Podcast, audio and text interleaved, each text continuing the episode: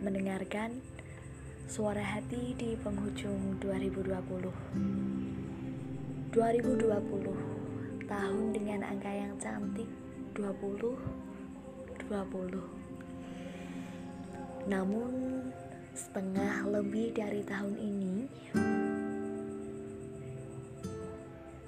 Seperti yang kita tahu adalah pandemi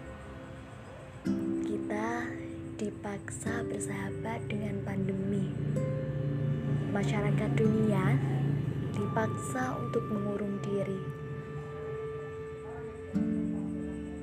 Rencana-rencana tatap muka terpaksa dialihkan ke tatap maya.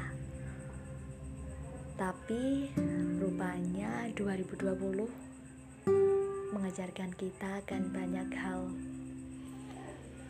mengajarkan kita untuk tidak meremehkan hal apa pun sekecil itu. Memaksa kita untuk sedikit menurunkan ego.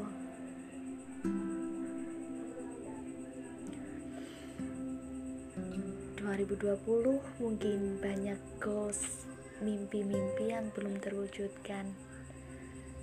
Mungkin saja karena keadaan atau mungkin karena usaha kita yang kurang. Lembaran-lembaran 2020 telah kita lalui. Banyak sekali hal yang terjadi.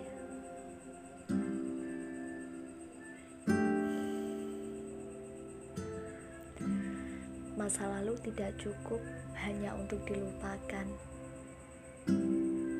Kita ambil hikmah dari kesalahan, kita ambil natijah dari pengalaman-pengalaman. Pandemi juga mengajarkan akan banyak hal.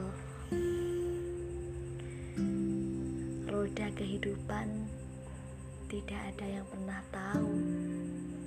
Namun, kita hanya dipaksa satu siap apa pun yang terjadi. 2021 kita tingkatkan kualitas diri kita. Mungkin kita masih banyak kurang syukurnya masih banyak mengeluh masih kurang usaha, masih banyak terlalu memanjakan diri,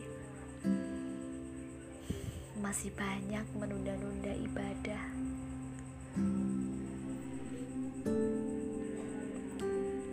Semoga 2021 hadir dengan segala kebaikan.